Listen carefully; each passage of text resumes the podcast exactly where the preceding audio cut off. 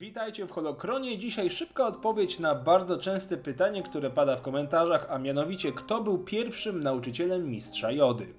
Cofnijmy się nieco w przeszłość naszej własnej rzeczywistości. Magazyn Star Wars Galaxy Magazine zorganizował konkurs pod tytułem Design an Alien, czyli Zaprojektuj obcego. Nagrodzone prace miały stać się pełnoprawnymi, kanonicznymi postaciami w uniwersum. Chuck Hamilton zgłosił swoją pracę, jednak nie otrzymał żadnej nagrody. Jego rysunek został później zamieszczony w dziewiątym numerze magazynu. Leland Cheese, zwany też opiekunem Holokronu, jest osobą pracującą w Lucasfilmie odpowiedzialną za ciągłość, poprawność i generalnie całą bazę danych dotyczących Gwiezdnych Wojen. Stwierdził on, że każda praca z konkursu, o ile nie łamała zasad ciągłości czy nie wpływała na obowiązujące fakty i wydarzenia, została wprowadzona do kanonu.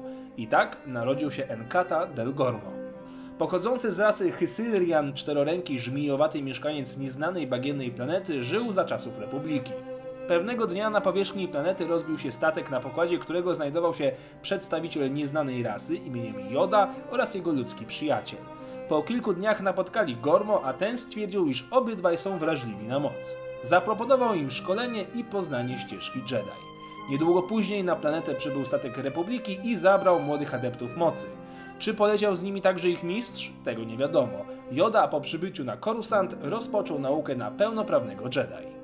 Cała historia jest jednak jedynie legendą w niekanonicznych legendach. Jej prawdziwość nie ma już większego znaczenia, bo dawny kanon przestał obowiązywać.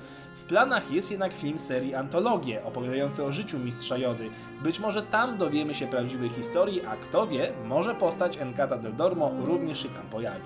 Dzięki za oglądanie, piszcie w komentarzach swoje pytania, łapka w górę mile widziana i niech moc będzie z Wami.